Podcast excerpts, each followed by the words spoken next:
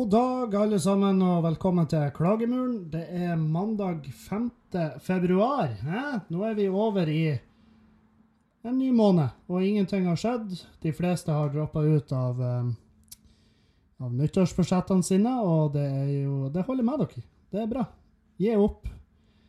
Gi opp mens du ennå har litt av verdigheten din igjen.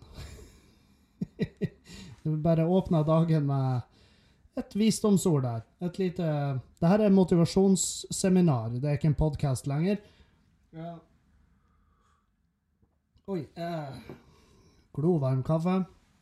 Jeg har eh, Podkasten Klokka mi er 13.09, og det er liksom Det er litt seint eh, å spille inn. Jeg bruker å spille inn mye tidligere, men det er rett og slett sånn at eh, jeg ble vekt i morges av han, eh, eh, min venn Erlend Osnes, som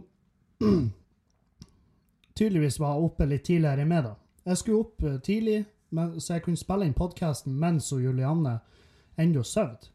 Uh, for hun, er, hun begynte sent på jobb i dag, og da tenkte jeg ja, ja, hun sover jo lenge, så da kan jeg spille inn podkast imens, hvis jeg er flink å stå tidlig opp. Men vi så film til seint på natt, og jeg sov lenge, og så ble det vekt av han Erlend, som ringte meg og bare Vi skal gå på Varden! Keiservarden, nå!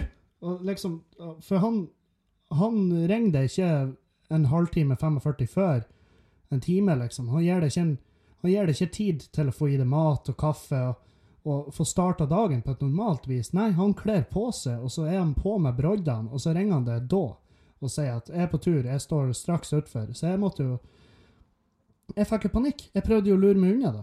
Jeg visste, jeg skulle jo på Varden i dag, men jeg skulle ikke på Varden i dag klokka ni om morgenen. sant? Men Så jeg begynte å lyge. Jeg løy som faen til han. Har dere gjort det noen gang? Løyet sånn altfor tidlig på morgenen, så, så løgnen din han bare sitter ikke, fordi at hjernen din er ikke i gang nok. For det er jo tregstarta. Det, det er jo en fotball i, en, i et basseng med sirup, sant? Så den bare, den bare funka ikke, så de løgnene mine sugde jo rævhull. Det var sånn her Nei, jeg skal spille inn podkasten nå, fordi at Og så sa jeg fordi at Julianne er på jobb, og hun kommer straks hjem, så jeg skulle prøve å få ferdig podkasten før hun kommer fra jobb. Og han Erlend bare Klokka ni. Hvem som er ferdig på Jokeren klokka ti, liksom? Er hun på jobb, så blir hun der i hvert fall til fire i ettermiddag. Ja, nei øh, Så bare sånn her Hun er her. Hun er faktisk hjemme. det var en forferdelig dårlig løgn. Jeg prøvde meg på en pissdårlig løgn. Og han arresterte meg på det, og det var jo bare morsomt, for det var liksom Jeg har jo ikke løyet om noe seriøst, men uh, det var jo selvfølgelig en seier for han at jeg prøvde å lure meg unna uh, trim. Fordi at det er jo da folk tenker når de ser meg, det er at han der, han lurer seg unna trim. Og uh, egentlig så gjør jeg ikke det, men når jeg blir tatt sånn, når det, når det ikke skjer på mine premisser lenger, når det skjer på en annen mann sine premisser at vi skal ha trim, så har jeg plutselig ikke så lyst lenger. Men jeg er glad jeg gjorde det, for det var en nydelig tur til Keiservarden. Uh, vi kosa oss, prata, og jeg, jeg merka at jeg begynner å bli i bedre form. Jeg merka det veldig tydelig, for at Og det sa Erlend òg, at eh, jeg merka jo at jeg kan ha en samtale med deg, Kevin. For at de andre gangene så har jo De andre gangene vi har gått opp fjellet, så har jo Ja, jeg har jo, jeg har jo vært i livsfare. Jeg har jo pesa og pusta som om, som om det var min siste, mitt siste åndedrag, sant? Og folk har vært redd for meg. Jeg har møtt folk i løypa, de har vært sånn Herregud, ta, ikke gå lenger hvis du har det så jævlig. Sant? Jeg får de øynene. Folk blir sånn her Ja ja, da kommer det en Sea King over oss på parkeringsplassen. sant? Så, men i dag så gikk samtalen hele veien opp, og, og det er liksom Jeg merka det på pulsklokka, jeg ser det på den òg, og eh, ting går i en positiv retning eh, sånn helsemessig, og det er jo faktisk første gang på fem år eller noe. Så, så det er jeg fornøyd med. Uh, så eh, det, det var starten min på dagen, og når jeg kom hjem, så var Julianne stått opp og begynte å freshe litt, så litt serie, og gjorde seg klar for å få på jobb nå klokka ett. Så, så nå er jeg alene. Bare med og kattene. Bare med og pusene. Hæ? Pss, pss, pss. Ja. Å, de er pusene. Den ene katta er sånn her Hun har to sånne her fosterheimskatter. Og den ene hun er superkosen, og den andre er litt mer sånn eh, tilbakeholden. Og superkosen er katta. Hun er sånn her Hun kommer inn hver natt, og så trør hun på trynet mitt. Og hun er drittjukk. sant? Det er jo derfor dyrevernet tok over de kattene, fordi at de var overvektige. De så faen ikke ut. Og den bare kommer trøende over fjeset mitt, og det er løshuden Den har løshud. Det er faktisk en av de få kattene som, som er aktuell for en tummy tuck. Altså plastisk kirurgi på pus. Skjønner? Det er helt sykt. Og den kommer og trør over trynet mitt om natta og skal legge seg på sida av hodet mitt. Og jeg vedder, hvis katten hadde hatt en stemme, så hadde hun hørt det sånn her ut. Da var det sånn Ja, sover du, eller? Jeg tenkte jeg skulle bare Jeg skulle bare legge meg her. Og det er ingen måte å komme seg hit uten å gå via fjeset ditt. Så hun har Hun er så apatisk kønt, den katta der. Hun bare trør over fjeset mitt, legger seg ned, og så ligger hun gjerne sånn at halen ligger i fjeset på meg og ødelegger natta mi. Og når jeg skal prøve å fjerne den, så blir den jo om til en kråkebolle som bare sitter fast som en borrelås i senga. Så når jeg løfter, og så er det sånn Og så nekter hun Hun bare beveger seg ikke. Hvis jeg løfter henne, så får jeg over madrassen, sant? Så det, det, det er hennes seng. Jeg, jeg bare får lov å ligge der. Det, det er katten sin seng, og jeg har fått dispensasjon til å ligge der. That's it. Det er, på, det er på nåde. Hele livet mitt er egentlig på nåde. Ja. Og den andre katta hun er sånn Hun vil ikke ha noe med oss å gjøre om dagen, men om natta så får hun sånn traumeanfall hvor hun går rundt i huset og bare mjauer. Kjempehøyt. Sånn. Og jeg våkna, Julianne sover jo, for hun kan jo faen meg sove. Hun kunne sovet gjennom et overgrep, sant? Mens jeg Og jeg våkna jo tvert. Og den katta står og uler, og så begynner jeg sånn Pus, pus, vi hører det. Ja, vi er her. Kom inn hvis det er så forpult trasig å leve. Jeg vet ikke hva hun roper etter. Jeg kan ikke katt. Jeg snakker ikke katt. Det er sånn, Jeg håper Det hadde vært kult hvis det faktisk skal være sannhet i de mediumene som snakker med kjæledyr. Så vi kunne hørt hva det faen det hun vil ha, så kan vi kjøpe det og, og trø det i kjeften på eller kle det på, hva enn hun vil ha for noe. Bare det blir stilt om natta. Fordi at jeg sover så fitte dårlig. Jeg sover dritdårlig, sant? På grunn av søvnapneen min. Og, og uh, derfor så Jeg setter pris på den søvnen jeg får. Og hvis den blir avbrutt av et dyr som bare går og uler, og ikke kan fortelle meg hva faen det er som er problemet, så jeg blir, jeg blir litt irritert. Jeg blir litt irritert. Men hun er jævlig søt. Katter er jo Jeg elsker katter. Jeg var hos legen i forrige uke, og um, Ja. Jeg var hos legen og fikk meg henvisning til psykolog igjen, og så fikk jeg meg henvisning til uh, øre, nese, hals. For å endelig få meg et sånn her søveapparat for søvnapneen. Og mest mulig, mest sannsynlig så må jeg operere Skal jeg operere bort mandlene? og kanskje til og med knuse opp nesen. For jeg har knekt nesen i min ungdom, og knekt den på plass sjøl fordi at det er en bygdetamp. Så, så da er liksom Skal vi kanskje knekke opp nesen igjen, hvor han trør et meisel opp gjennom navsporet, og så bare knekker han sund, og så skal de forme nesen på nytt, sånn at luftveiene blir mer rett og klar. Det er en mulighet. Og så skal jeg fjerne mandlene, og så får jeg et sånn CPAP-apparat som er basically Darth Vader-maske og en liten maskin som hjelper meg å puste om natta. Fordi at jeg har søvnapné. Jeg slutter å puste. Jeg dør om natta. Hæ? Tenk på det. Jeg var på søvnovervåkning i Trondheim når jeg bodde der, og da eh, hadde jeg en pustestopp på rundt sånn to og et halvt, tre minutter. Det er lenge. Det er lenge å ikke puste. Og så sa jeg jeg sa jo da til han legen er ikke da litt lenge? Og han bare jo, hjernen begynner å dø etter fire. He-he. He-he? Er det bare å he-he da bort? Enn hvis jeg våkner en dag og er hjerneskada? Ja ja, da vet jo ikke du da. Ja. Supert. Takk, legemann. Du har Jeg er glad jeg kom hit for, for, for, å, bero, for å få ro i sinnet mitt. Og så er det her da du får Det er jo ikke bærekraftig å gå rundt med en hjerneskade. Nei, så uh, nå skal vi prøve å ta tak, og så er det jo sånn Det er jo ikke å Han legen var jo jævlig kul på det at uh, han bare du vet at søvnapné går hånd i hånd med overvekt. Jeg bare, ja, jeg, jeg, jeg er smertelig klar over det, Odinaka. Jeg er smertelig klar over det. Og jeg har gått mye ned og skal gå mer ned. Han bare ja, du ti kilo, 10 kilo ekstra ned, ingen problem her. Og så bare nei, det er ikke noe problem, jeg skal få det til. Jeg skal få til. Og, og så var han gira, og så bare ja, ja, heia Kevin, liksom. Og, um, og så målte vi blodtrykket, og det var jævlig artig, for vi målte bare pumpa den opp, den her, og så så han på svaret etterpå, og, og han bare Oi! Hvem hadde trodd? Når han sier 'hvem hadde trodd', det er det samme som å si 'Satan, du har et jævlig bra blodtrykk', med tanke på hvor jævlig ufattelig ekkel kropp du har. Altså, jeg hadde 119 og over 61. Puls på 70. Og han bare Du har jo pulsen til en konfirmant. Blodtrykk til en konfirmant. Jeg, bare, jeg vet ikke hva det vil innebære. Det spørs jo hva den konfirmanten gjennomgår i akkurat det tidspunktet. Jeg har jo hørt om veldig unge barn som dør av hjertefeil. Så, um, men eh, det, var, det var litt ro i sinnet at, at jeg har bra, bra blodtrykk. Og jeg får henvisning. Og eh, Dere la sikkert merke til at jeg sa at jeg ordna med henvisning til psykolog.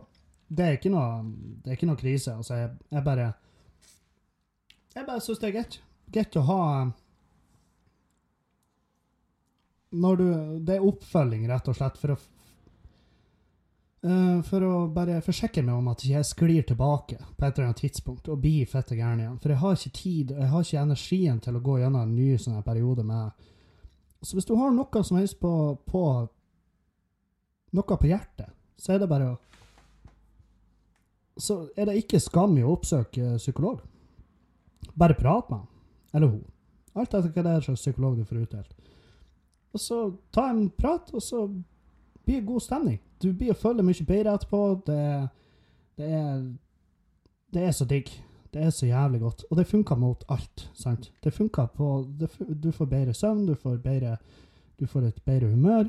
Du, du føler deg lettere, rett og slett. Du er ikke en svak kuk bare fordi at du går til psykolog. Du er en svak kuk hvis du sitter hjemme og er dritsur og oppfører deg som møkk mot alle de andre menneskene rundt deg bare fordi at du har det kjipt sjøl. Da er du et svakt jævla drittmenneske. Så hæ! Boom, bitches! Der fikk du den. Jeg skulle si veldig tidlig på mandagsmorgen, men på ettermiddagen på mandagen. Og det, mandagen er jo den dagen du trenger å tenke på sånn her, for det er jo mandager man er mest rasshøl. Det går jo i en Det går jo i en sånn her en, en rar liten kurve gjennom uka. Hvor mandag er du totalt jævla Du er helt ubrukelig, du er et rasshøl, og så går det nedover, og så blir det bare triveligere, eller oppover, om du vil. Og så blir det triveligere, og så blir det mer effektiv, og så blir det god stemning, og så kommer torsdagen, så kommer fredagen, så hater du jobben din fordi at du vil bare hjem og drikke, og så kommer du deg hjem og drikker, og så drikker du, og så blir du fette idiot igjen, og så er du rasshøl hele helga, helt til den kurven igjen, på tirsdagen.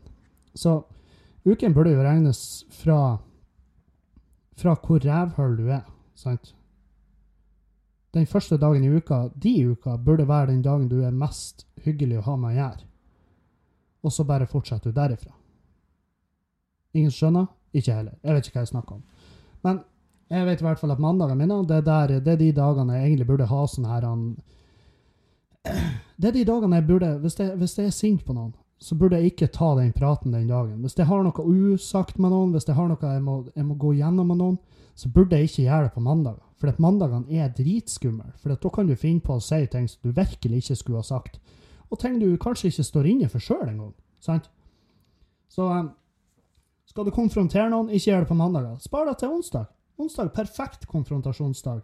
Da har dere tid å bli venner igjen til helga, sånn at dere kan drikke og blekke ut og være idioter i lag, sånn som før. Og så har dere det dere har det her skrinlagt. Det er greit, liksom. Alt er i orden. Hæ? Fy faen, for et, for et, for et motivasjonskurs jeg kunne holdt. Det hører jeg med en gang. Det her er jo, det er jo strålende. Det her er rent gull. Jeg skal få rettskrevet av noen som kan tastatur.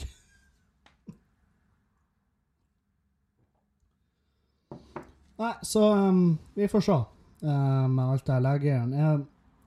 Å få fjerna mandlene er jo noe piss, har jeg hørt. Jeg har ikke gjort det. Jeg trodde jeg hadde gjort det, men jeg har jo ikke. De er jo der. Og de er, spiller en veldig stor del rolle i snorkinga mi. Og um, Ja, så vi får se hva det blir. Uh, Kommer med etter helga, har jeg.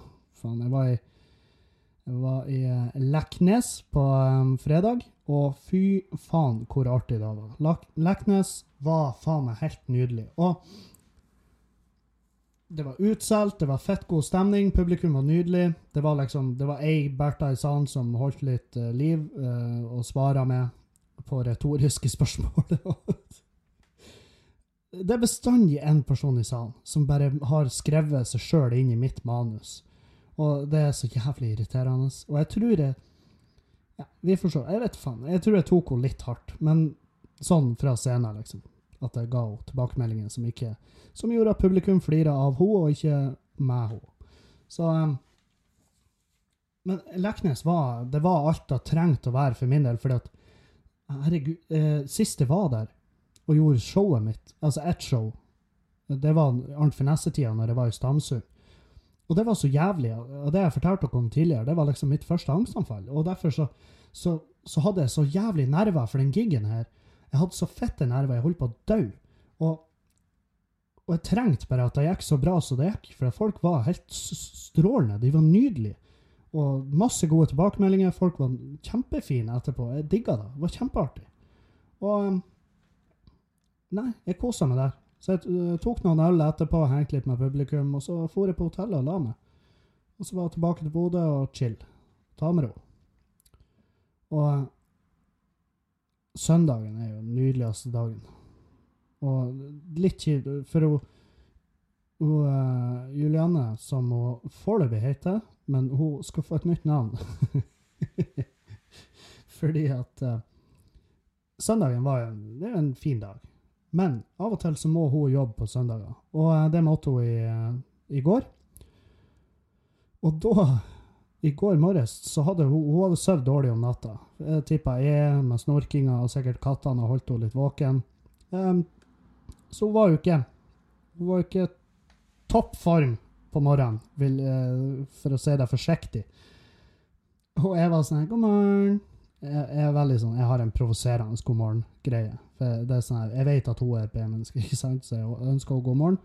Uh, med litt for mye energi, og hun hater det. Og det er litt sånn, det er blitt vår greie. Men bare at denne dagen så våkna hun, og det var ingenting.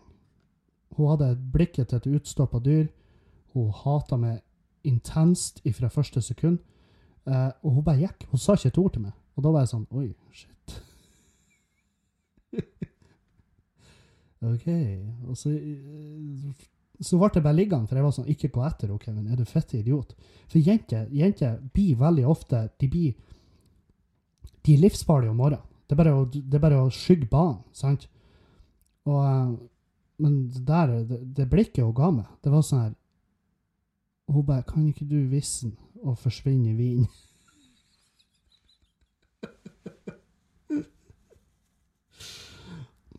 Morgendragen. Det er, da, det er det nye navnet på Juliane. Morgendragen. Hun er For drager de er, jo, jo majestetiske og kjempefine, men de er livsfarlige. De, det er hun oppsummert.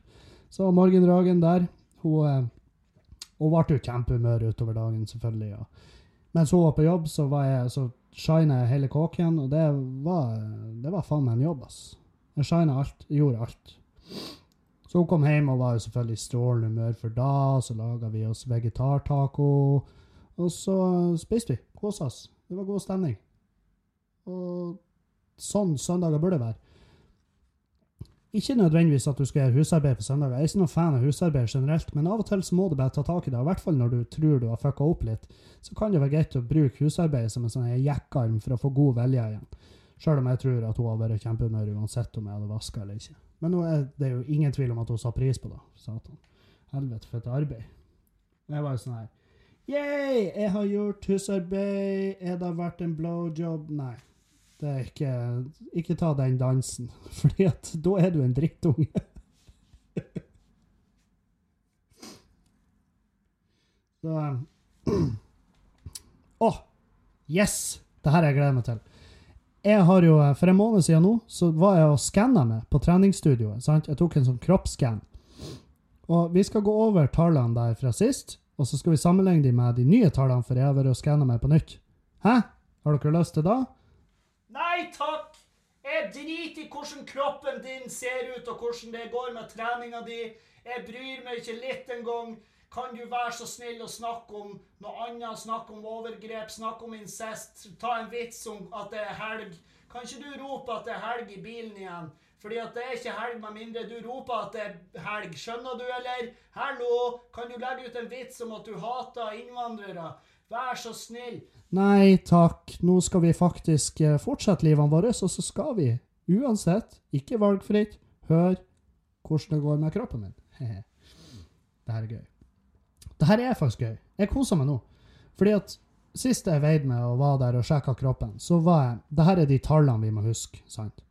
Det er vekt, det er fettmasse, og det er muskelmasse. Sant? Det er de, egentlig de, de viktige her. Viktige for meg, i hvert fall. Um, vekta mi sist var 107,7 kilo. Av de 107,7 kiloene, så var det 40,6 kilo fett og 63 kilo muskelmasse. Sant? Denne gangen så var jeg 106,2 kilo. Det er jo litt over ett kilo ned. Og det er jo greit. Altså, det er, ikke, det er ikke sykt på en måned. Men her er forskjellen. 37,5 kilo fett mot 40,6 kilo fett som sist. Hæ? Hæ? Det er tre kilo fett, da. Det er tre kilo fett. Det er tre store pakker med melange. Hæ? Det er ikke verst. Muskelmasse 63,8 kilo sist. Denne gangen 65,3 kilo. Yes! Det er framgang. Det er svart på hvitt framgang, og jeg er strålende fornøyd med det. Og mer skal det bli. Det skal bli en mye bedre Altså, fordi nå har jeg fettmasse på 37,5 kilo. Det er 250 000 kalorier ca. hvis du hadde spist med, hvis du hadde drept med og spist med, så hadde du fått i deg 260 000 kalorier. Det er faen meg det er, det er bra, det er bra måltid, vil jeg si.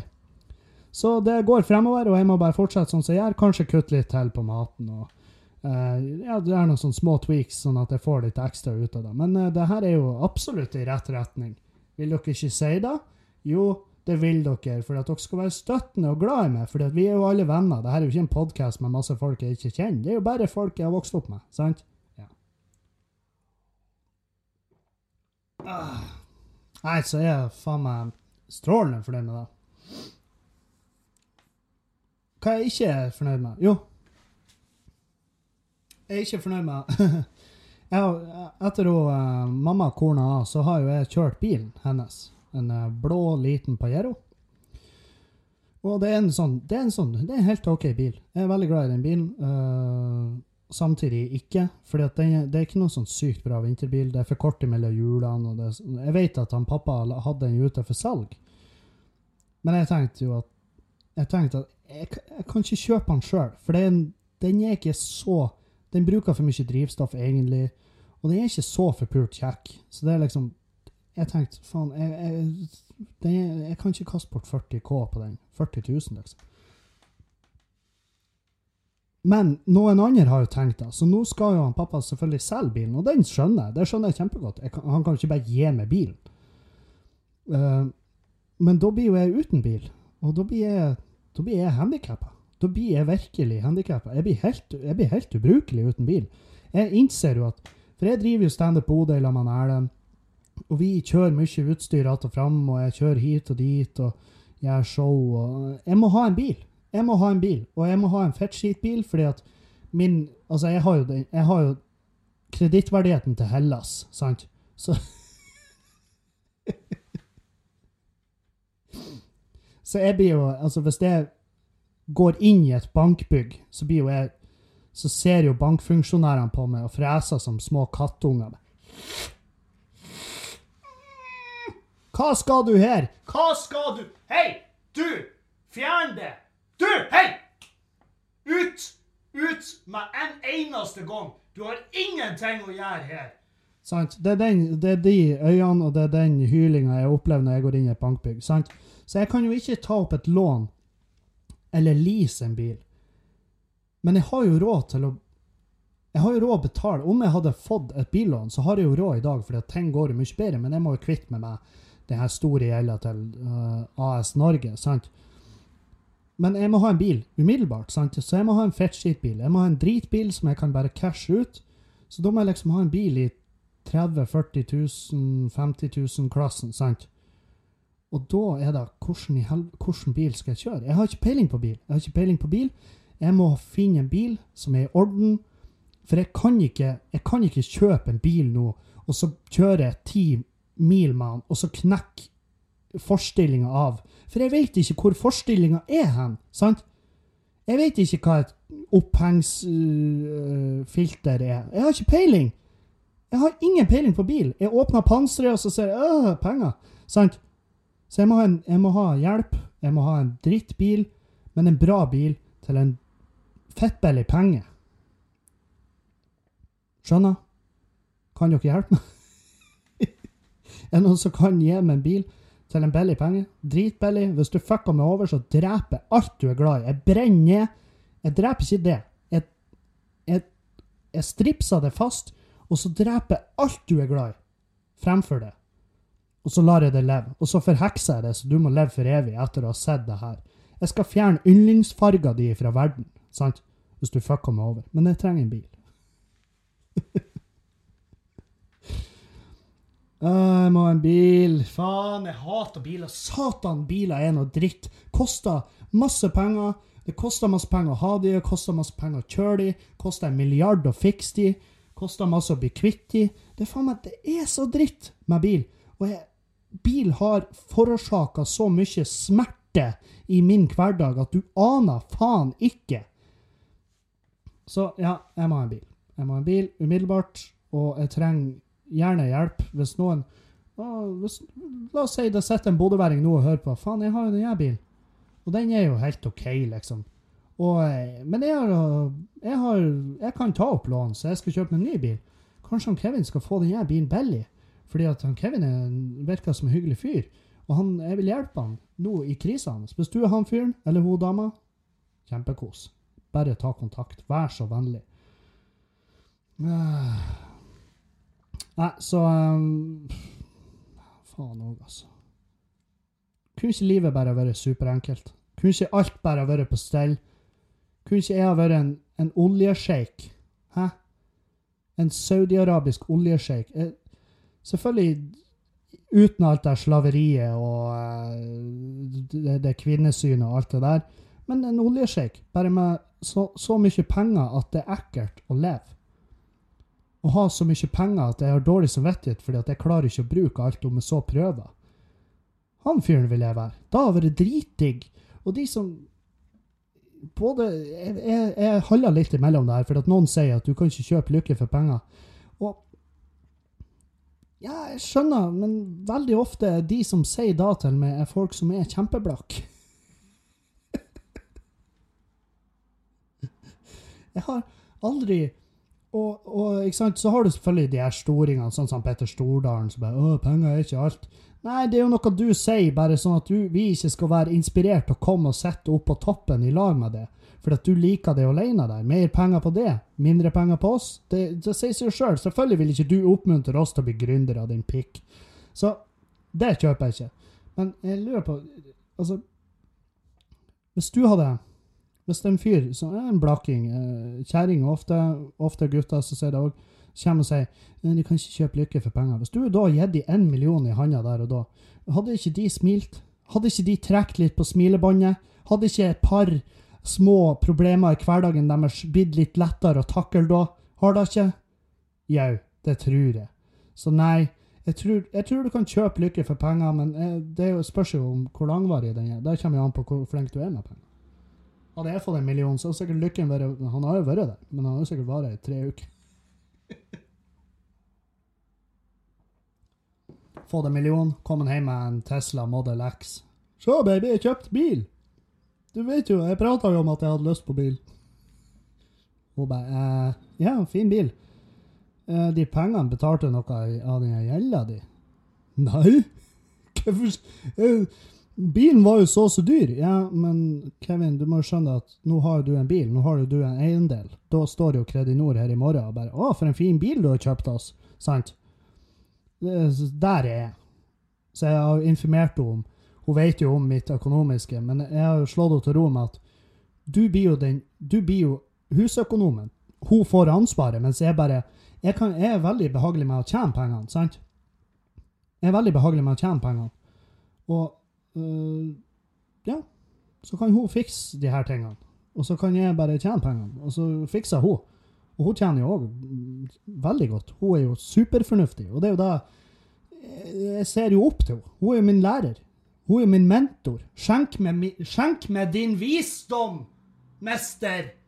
Sier jeg til henne når hun viser meg bankkortet sitt.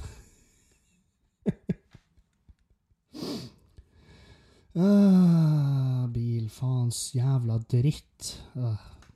Og jeg får ikke Her òg. Jeg, jeg prata litt tidligere om at jeg skulle opptre i Sandefjord. For jeg ble kontakta av noen Gulating-folk der. Og det var jævlig tøft. Det var jævlig tøft å bli kontakta av de.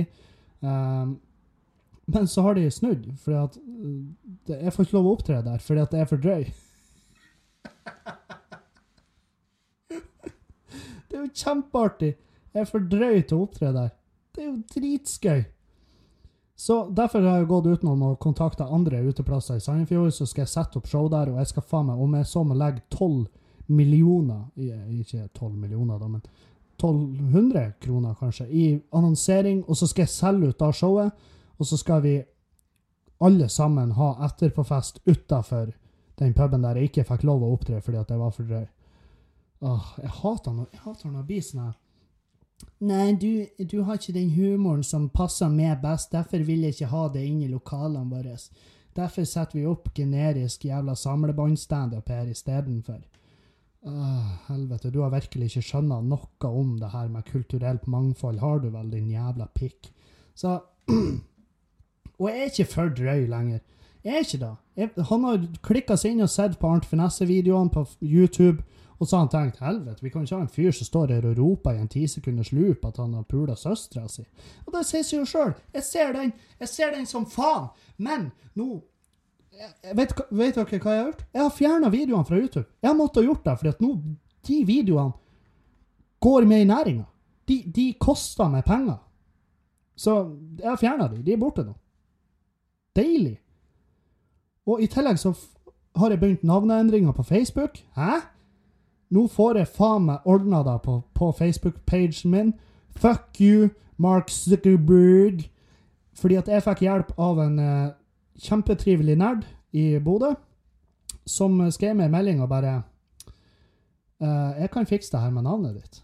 Og jeg bare 'Det går ikke an'. Det, jeg har prøvd masse. Jeg har vært på telefon med han Zuckerberg, og han bare Han bare finner seg ikke i det. Og jeg skal bare finne navnet på han, for han fortjener en liten shout for det. For han er faen meg en nydelig fyr.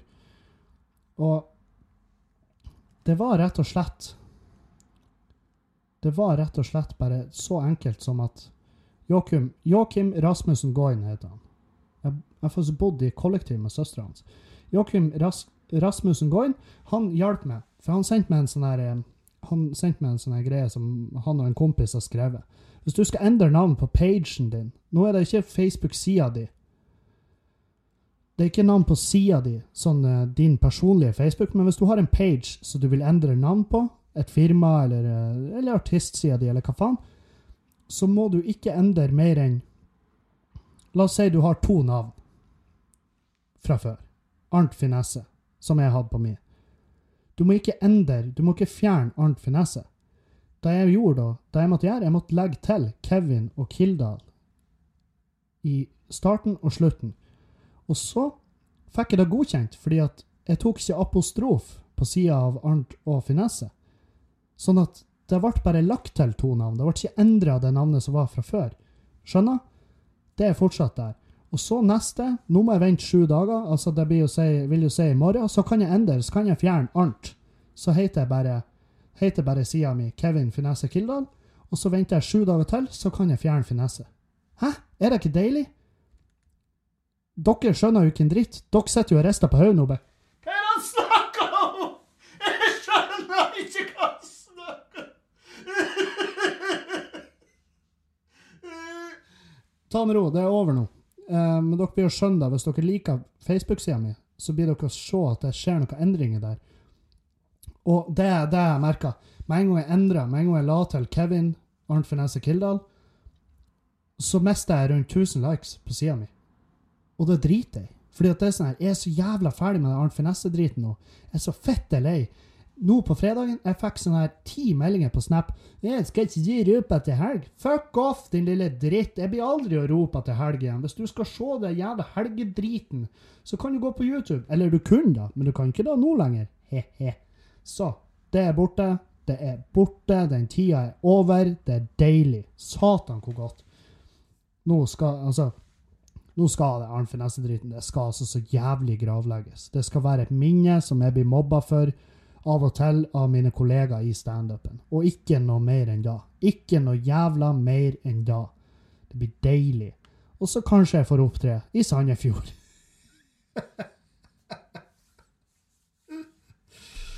Å, jævla Åh, Politisk korrekte bookingfolk. Det må faen meg være den dårligste miksen i historien. En nyoppstarta plass. De skal, de skal fronte kultur, men de skal ikke fronte all kultur. De skal fronte den kulturen som passer han der gråhåra, ekle kuken som driver med bookinga. Fuck you, din gamle pikk. Ingen bryr seg om det, ingen liker det. Og det, folk blir faktisk dritlei seg når du kommer i bursdagen deres. Så blir de sånn «Åh, Ja, ja. Ja, ja. Da var den bursdagen. Ble om til en begravelse fordi at godstemningens dementor har entra bygget. Slutt å smile, folkens. Vi smiler kun på hans kommando fra nå av. Står han der med den attsydde gamle forhuden sin og bare Jeg har ikke hatt sex på ti år, og det er passa med strålende. Fordi at jeg liker ikke ting som er koselig. Takk for meg. Det var alt jeg ville si. Her har du bursdagsgaven din, og jeg må rekke et tog til ingen sted. Tog til den plassen der humor går for å dø. Så, ja. Dere skjønner jeg er bitter. Jeg er dritbitter. Jeg, jeg var kjempelei meg. Jeg hadde gleda meg som faen til å opptre der, og så bare ble det helt stille, og så sendte jeg melding om at du er da bare å anse som eh, skrinlagt hele gigen, eller? Ja, det var det. Fordi at eh, en av de gamle kukene på kontoret hadde nekta. Så dagens skål går ut til han.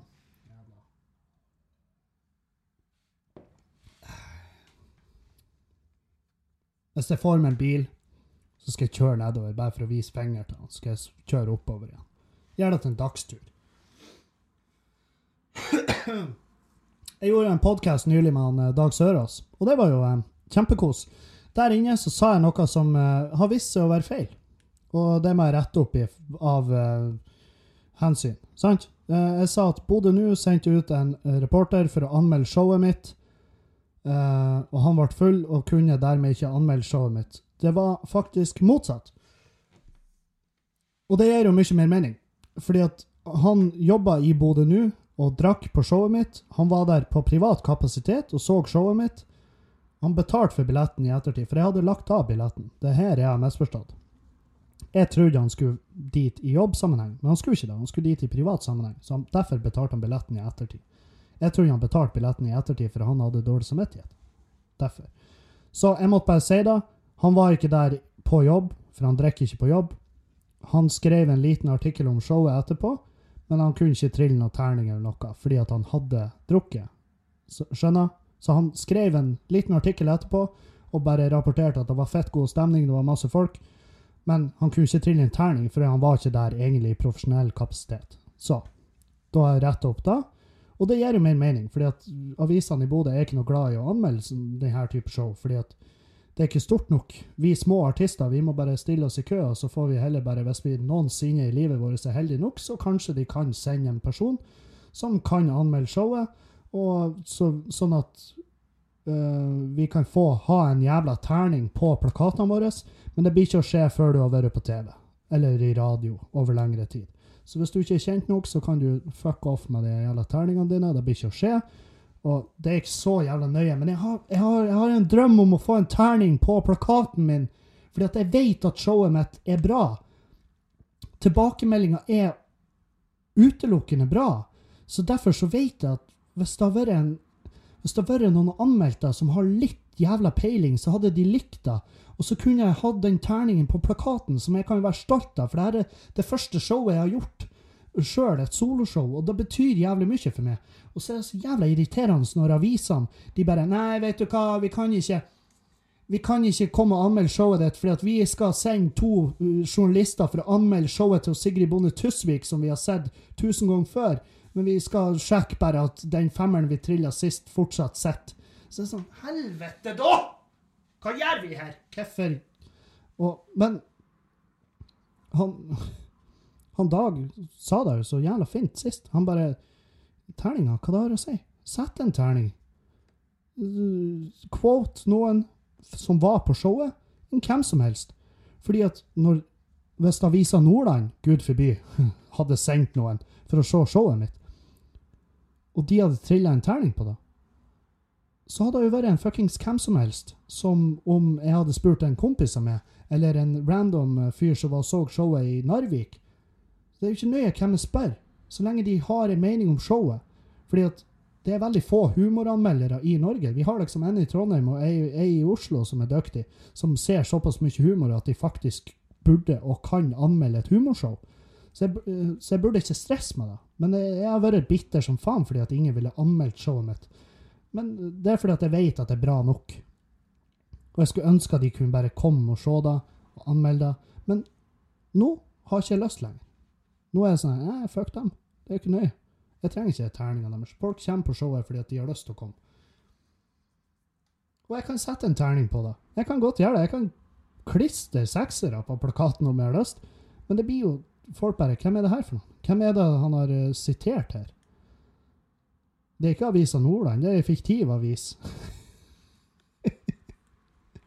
jeg skal starte min egen avis, jeg kan anmelde mine egne show, og dermed få de jævla terningene på den plakaten, sånn at det ser ut som uh, Johan Golden eller Dagfinn Lyngbø eller hvem nå faen som helst som har vært og opptredd.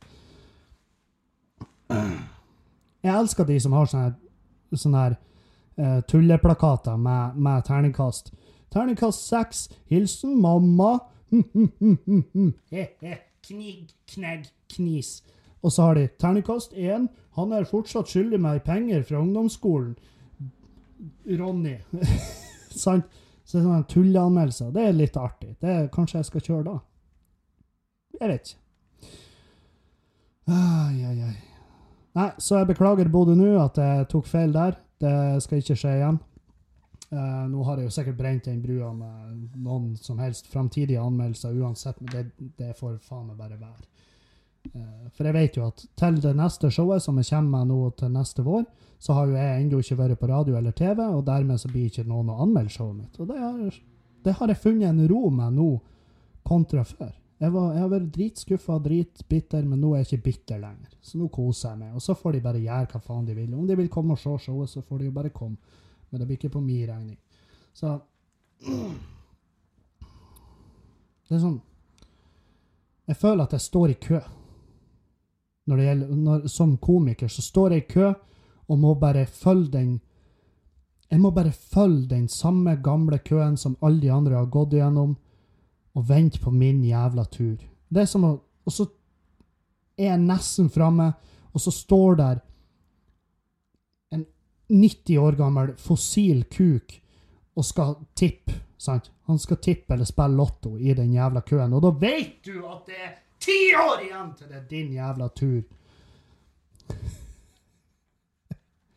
Hvorfor skal du spille lotto? Du, du må slutte å spille lotto, fordi at du skal fuckings dø i neste uke, og ungene dine har ikke feira jul med deg på 40 år, så hvorfor skal du vinne 70 millioner som du skal legge igjen til de utakknemlige drittungene du har?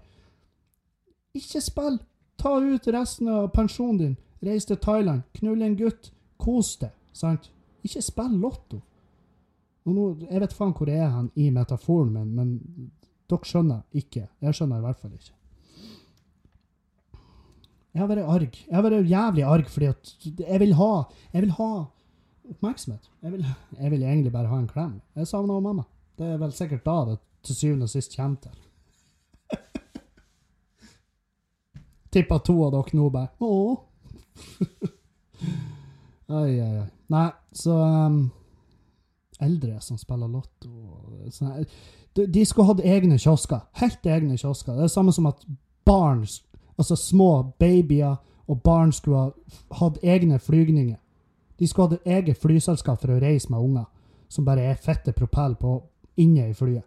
Fordi at det er helt forferdelig. Det er helt forferdelig. Og jeg ser på foreldrene, og du ser at de bare prøver ikke lenger fordi at de har gitt opp livet for kjempelenge siden. Sant? De skulle hatt egne fly.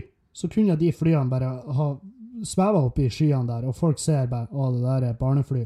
Tipper de flyvertinnene der inne får 1000 kroner ekstra i timen fordi at det er et helt sant jævla helvete å jobbe med den type mennesker.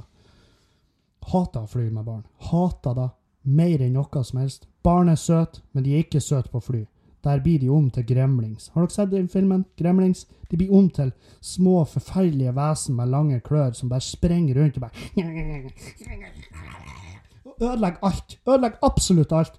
Knus ting, skrik, hyl, skap kaos. Og jeg sitter der med noise cancelling headset, og det bare fjerner ikke den frekvensen de forferdelige monstrene opererer på.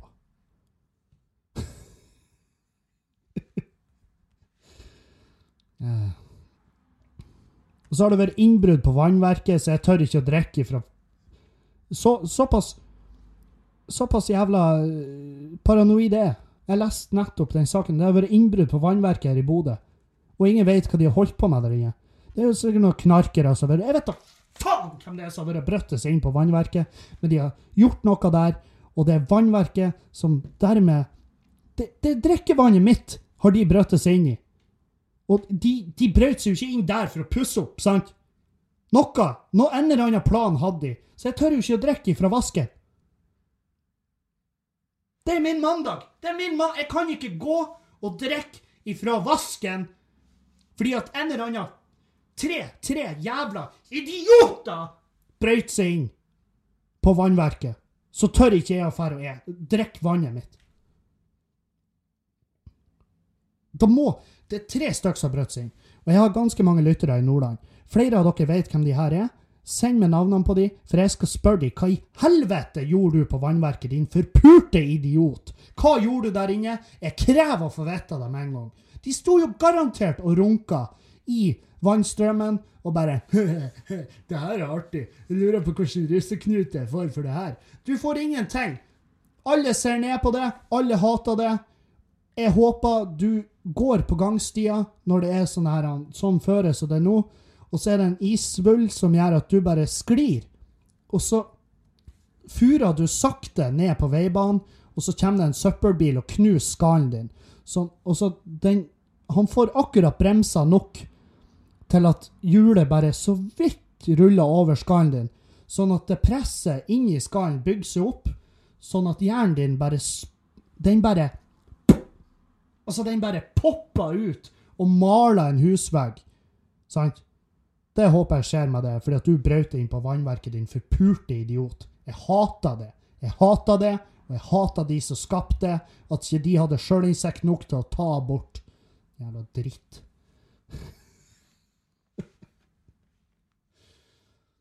Satan òg, altså. Sånne der folk. Hvorfor finnes de? Trenger vi de? Nei, vi trenger det ikke. Jeg hadde, jeg hadde reagert. Hadde jeg vært politiet, så hadde jeg mokka inn døra der når de brøt seg inn på vannverket. Så hadde jeg mokka inn døra, og så hadde jeg behandla de som om det var terrorister som var på tur og køll. Og det, for alt vi vet, for alt vi vet, så kunne det ha vært da de drev på med. Og kølt miltbrann nedi vannet vårt. sant? Sånn at når noen tar seg et glass vann, som er jo en ting vi gjør av og til fordi at vi, vi er sånn her, vi har ikke sykt lyst på vann. Vi har jo lyst på noe annet. Vi har jo lyst på øl eller brus eller hva nå enn i helvete. Men vi drikker vann fordi at vi må ha i oss vann. sant? Så vi gjør da litt sånn Ja, ja, ja, da drikker jeg litt vann, da. Og så drikker du vann, og så er det syre i det fordi at en eller annen kuk oppi åsen har vært og hatt noe oppi det. Og så smelter fjeset ditt fordi at du skulle ta deg et glass vann og få hydrert kroppen din. Det er faen meg så utakknemlig og jævlig å tenke på. At dere mennesker går rundt der og finner ut at Nei, vi skal bryte oss inn på vannverket, vi. Så det blir en bra historie å fortelle. Satan. Åh, det er så jævla unødvendig angst dere sprer. Og jeg håper alle dere bare ikke finner lykken i noe som helst, og ikke blir rehabilitert i det hele tatt, sånn at ingen stoler på dere, ingen liker dere, og alle går rundt med et skrått øye på dere resten av livet, sånn at dere blir deprimert, og så henger dere dere sjøl i deres egen lille leilighet. Boom. Takk for dere. Jeg håper, jeg håper, dere, blir, jeg håper dere blir rekruttert av Volkswagen, og så bare tester de eksos på dere. Det hadde vært mye bedre hvis de kunne tatt de folkene som brøt seg inn på vannverket, og så bare donert de til Volkswagen, BMW og Mercedes. Så kunne de ha testa eksos på dem istedenfor de apene. De apene har jo ikke gjort noe noe. Apen, de, apen, de bare aper rundt og gjør apeting. De har ikke gjort noe noe. Men de blir sanka inn og bare Hei, du, pust inn det her. Det er godt for det. Det er en Volkswagen-motor. Det er faen ikke godt for det. Vi vet jo hva eksos gjør med folk og ape og dyr. Vi vet jo hva eksos gjør med kroppen. Det er jo derfor det er en av de mest populære måtene å ta livet av seg sjøl. Og hvorfor skal de teste, da? Skal de teste Nei, vet du, vi i Volkswagen vi tror faktisk at dieseleksos er sunt for det. Så vi plasserer aper i pustemasker, og så pumper vi eksos inn i fjeset deres, og så blir vi forferda etterpå. Har dere lest den saken? De, de tester det på ape, og så blir apen dødsjuk, sant? Og så kommer Volkswagen og BMW og Mercedes og bare ja, Vi er ikke fornøyd med testene fordi at apen ble sjuk. Og, og forskerne bare Ja, hva faen trodde dere skulle skje her? Hva i helvete trodde dere? Trodde dere de kom til å bli friske? Tror dere de kom til å sette pris på det? Selvfølgelig ikke. Selvfølgelig er de dødsjuke apen. Fordi at dere har pumpa eksos i fjeset på dem. Det kunne vi ha gjort med vannverklovbrytere. De er så brøt seg inn der. Bare 'hei, dere har brøt dere inn her. Vær med oss'. Å, hvor da? Nei, vi skal faktisk ned og se på Volkswagen-fabrikken. Blir ikke det artig? Og de bare 'Å, herregud, jeg er så glad i biler', sjøl om jeg aldri har Jeg, jeg er mildt tilbakestående, så jeg får aldri lov å kjøre opp. Så, men allikevel så har han en fascinasjon for biler, og så tar de ham nedover, og så pumper de eksos i trynet på han, og så dauer han. Og så sier de hm, det hadde jeg aldri trodd. Jeg har aldri Hæ? Jeg har drevet med bil, jeg har designa biler i 40 år. Hvem hadde trodd at eksos skulle være skadelig? Stakkars apen! Stakkars Julius! Hæ? Lokka de inn i bur, og så bare trør de en slange over trynet på de, og bare her, pust i det her. Det her er bra for det. Det her er, er omega 3, 6 og 9. Det her er Vitapro for deg! Vitapro for deg! Jævla drittsekker. Satan, jeg hater mennesker. Helvete. Uh, ja, vi kan gå over på spørsmål før jeg, før jeg tar og sverdsluk uh, hageriva.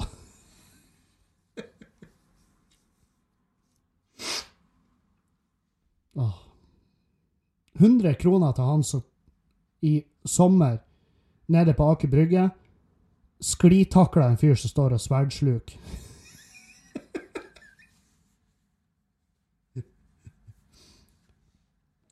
Ja, André, du er tiltalt for å ha sklitaklet en sverdsluker. Hva, hvordan stiller de deg til uh, tiltalen?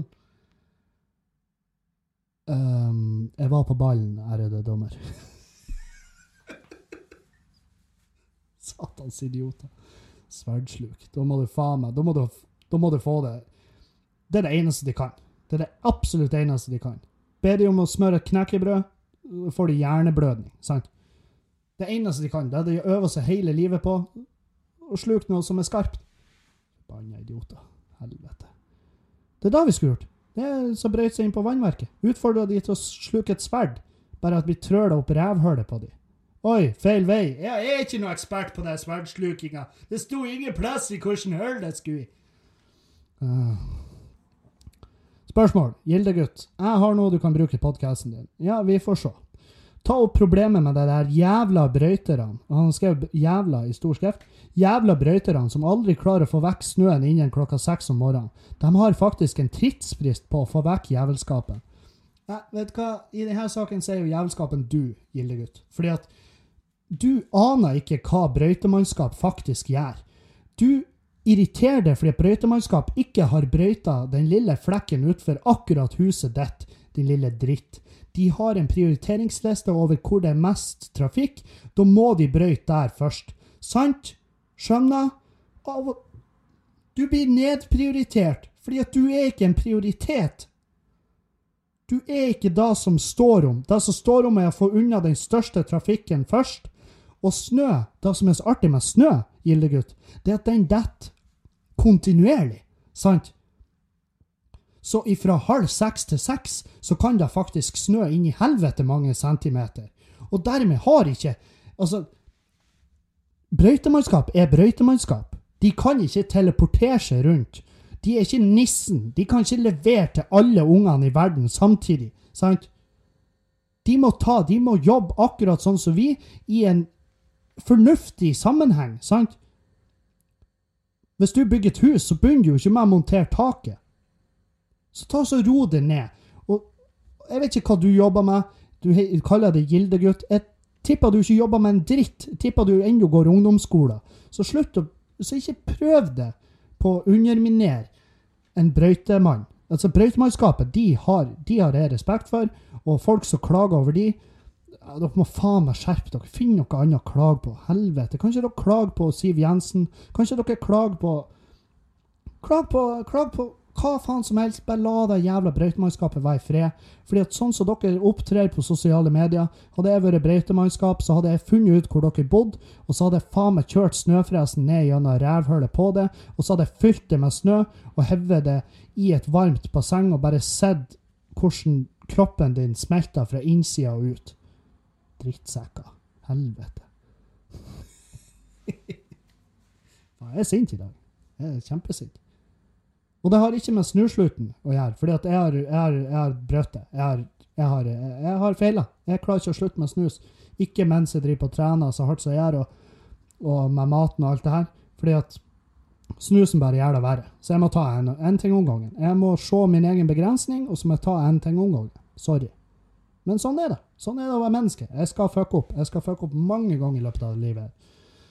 Så Tor Christian Skulle sikkert ha vært anonym. Faen. Ja, ja. Du skrev ikke da at du skulle være. Så det er din feil. Hvis en dame ditcher noen for deg,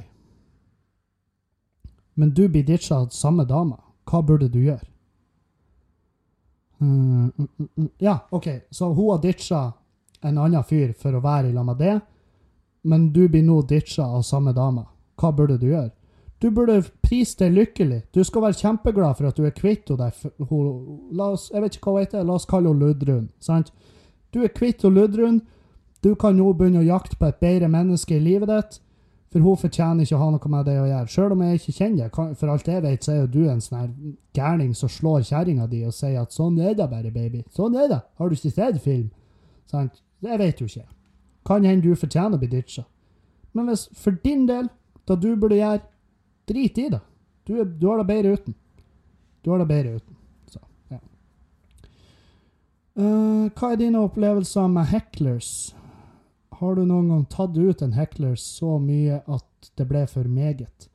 En heckler er jo Det er folk som avbryter en konsert eller et standup-show eller uansett. Det er noen som avbryter en sceneopptreden.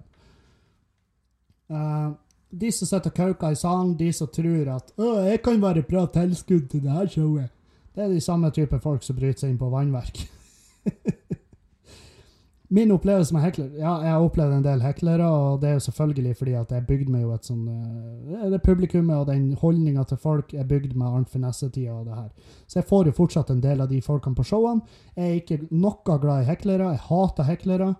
Jeg syns det er så piss. Og jeg tar de ut. Jeg tar de ut i publikum, og jeg får de også hevet ut når det er vakthold der. sant? Eh, om jeg noensinne har tatt ut en hekler så mye at det ble for meget, ja, det har jeg. jeg har tatt eh, Jeg tok ei kjerring eh, Faen om det var i Sortland. Jeg fikk melding om at hun hadde sjukmeldt seg i to uker. Jeg tok ei Bertha i Fauske. Hun, hun påsto at hun slutta i jobben sin og flytta. Eh, en i Mo i Rana som holdt på å drepe seg. Det var faen meg helt sykt. Så ja, nei, jeg har tatt heklere for mye. Jeg prøver å roe meg ned litt og ikke bli for forbanna på dem. At det er folk som Altså, de er jo der for å se showet, og de koser seg.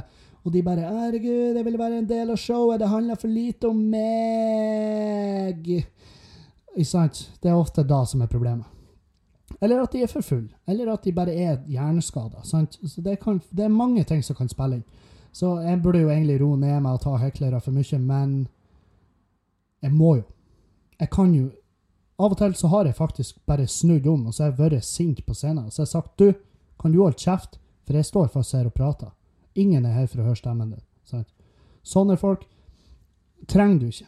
Og det er bare å få de hevet ut. Jeg får de hevet ut tvert. Jeg orker det ikke. Og det er sånn, «Ja, 'Jeg har betalt for å være her.' Ja, men ingen andre i den salen her har betalt for å høre den bedritne stemmen din. Sant? Sett opp ditt, eget show. Sett opp ditt eget jævla show hvis du er så forpult artig, din drittsekk, eller de fitta. Sant? Så um, jeg har tatt ut heklere, og det har bidd for mye noen gang, men jeg angrer ikke. Jeg sier ikke unnskyld. Det, de, de gjorde det sånn sjøl. Jeg har ingen anger på det. Um, jeg hadde jo litt angst. I hvert fall jeg som holdt på å drepes. Det var, det var mørkt som faen. Men um, altså, det, det, var jo ikke Da, er det jo noen andre ting i, som ligger bak der. Sant? Da var jo kanskje jeg bare uh, Tua som velta lasset. Hæ, i dag tok jeg den. Tua som velta lasset. Sant? Så um, så nei, men heklere er, det er faen meg er- det er forferdelige mennesker. I England så har de folk som kaller seg profesjonelle hecklers. Hæ? Tenk på det. Folk som jobber med det, påstår de. Det er faen meg det dummeste jeg har hørt. Jeg har ikke lyst til å reise til England bare for å stikke en sånn fyr i halsen med en svær kniv. Sånn her en type Rambo-kniv. Sånn at når jeg stikker han i halsen, så detter hodet av. Men jeg, jeg vet faen om det er sosialt akseptabelt der ennå. Vi får se. Hvis tida Kanskje med tida. Kanskje med tida blir heklere, og det blir fellingstillatelse på de. Da blir det deilig. Eh, Snoparias, hvorfor lagra du ikke spørsmålet jeg sendte deg i går? Jo, det er fordi at uh, Og det her er Han har jo sendt meg tusenvis av spørsmål. Uh, her er svaret jeg sendte han. Fordi det er generisk tullespørsmål som jeg som regel får av 15-åringer. Det her er en voksen mann, men han sender meg faen meg så mye piss. Det er helt sykt. 99 av det han sender, er bare piss, eller så er det frekt. Og, og det er sånn her Noen folk bare lar ikke være. Noen sender sånn her «Å, Herregud, hvorfor kjenner ikke jeg når, når jeg fryser på kuken? Hæ? Hvorfor kjenner ikke jeg da? Så når jeg skal pule kjerringa, så er kuken blød fordi at det har vært så kaldt. Det kan jo være så snill å bare et en håndgranat. Smør dem ned med noe kulturmelk. Jeg vet da faen. Kall det musli. Jeg er helvete!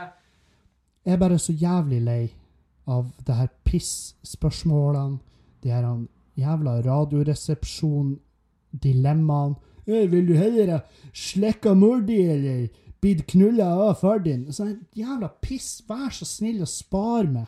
Spar med. Spar dere sjøl for tida dere bruker på å være ubrukelig. Drit i det. Kan dere ikke sende noe Kan dere ikke sende noe genuine greier? Noe må dere jo slite med, noe må dere plages med, noe må dere ha lyst på svaret på. Som dere Og gi faen i å sende meg alt det pisset. Jeg blir så sliten. Jeg begynte å blokkere folk, sant. Så um, Men det, det, Nei, vet du faen. Hva faen skal man gjøre? Man kan jo ikke få i pose og sekk, sant. Det er jo det som er det der livet her. Uh, men det flotte med livet er jo at det er jo ikke lenge til det er over, så um, man kan jo rose den litt ned. Eh, hva er greia med som, kjerringer som går tilbake til eksen etter å ha slått opp? Eh, det skjer med gutter òg. Det er ikke bare jenter som gjør det. ass. Og det er jo aldri en god idé. Aldri en god idé. Det er en grunn til at det er blitt slutt, så man må nesten bare slå seg til ro med det. Eh, hva som er greia? No, nei, de savna tryggheten. Sjøl om det var et giftig forhold, kanskje de til og med slo hverandre. Hun blir mishandla, han blir mishandla, men allikevel går de tilbake. Hvorfor gjør de det? Jo, fordi det er det eneste de vet om. Og på en eller annen fucked up nivå så følte de seg trygge der. Sant? Så jeg sier, hvor du skal hen? Nei, nå er jo blåøyet gått ned, og han, har, han sier at han har blitt en bedre menneske, så jeg drar hjem. Tusen takk for at jeg fikk overnatte i de her to dagene det var slutt mellom oss. Sånne jenter. det er så synd i dem, men det er sånn Hva faen skal jeg gjøre? Jeg, jeg jobber ikke med det her. Jeg er komiker. Jeg er komiker, jeg kan ikke bistå på det nivået.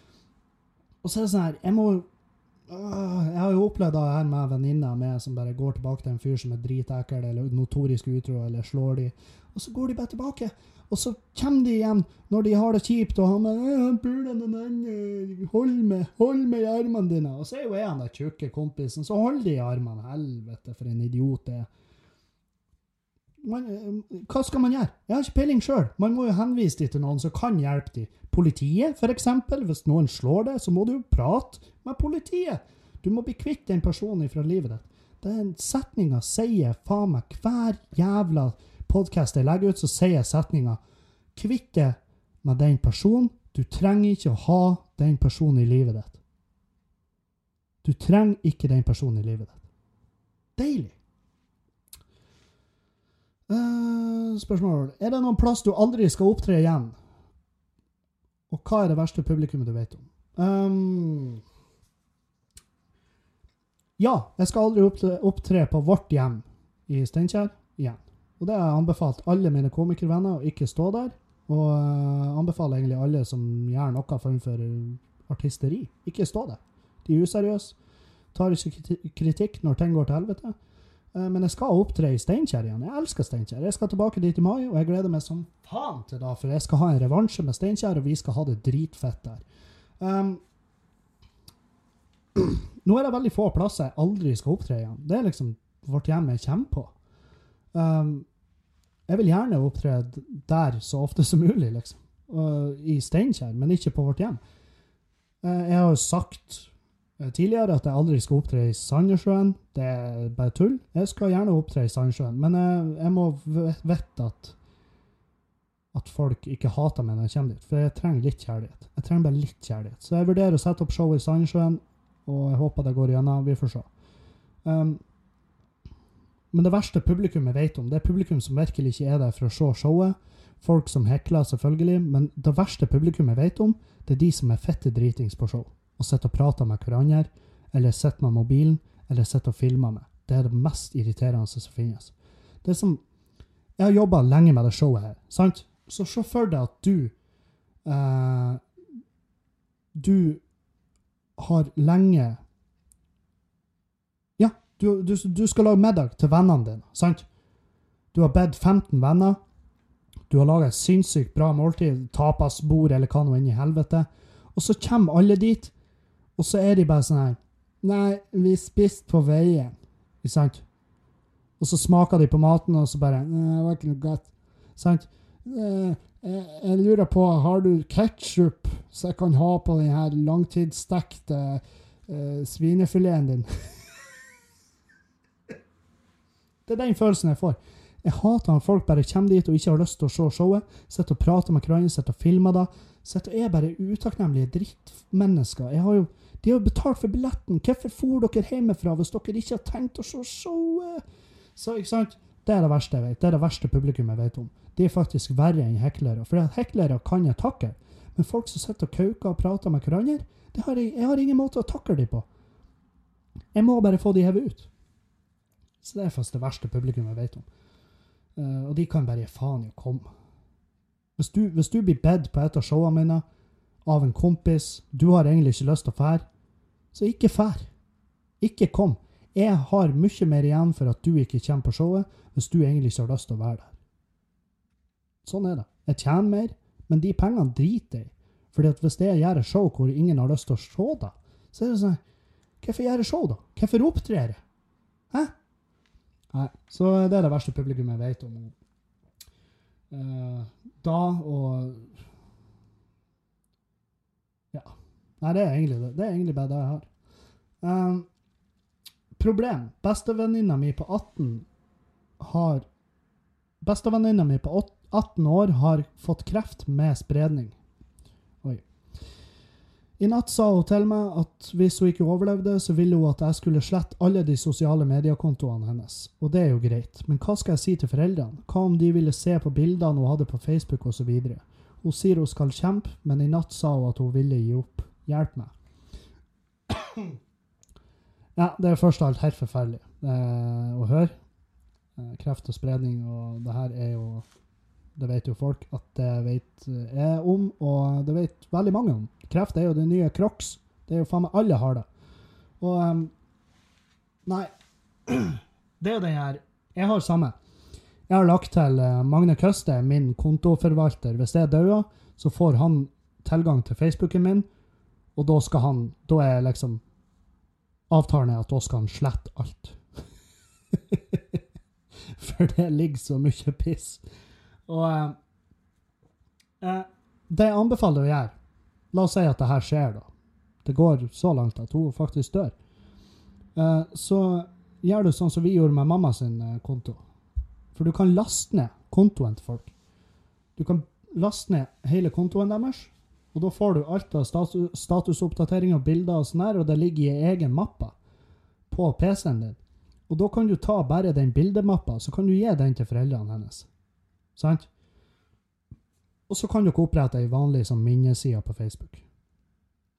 Men da har du fjerna alt det her med Du har fjerna alt av vennelister, du har fjerna meldinger, sånn at ingen kan fære og snoke i ettertid inni meldingsboksen, for det er faktisk dritstygt gjort.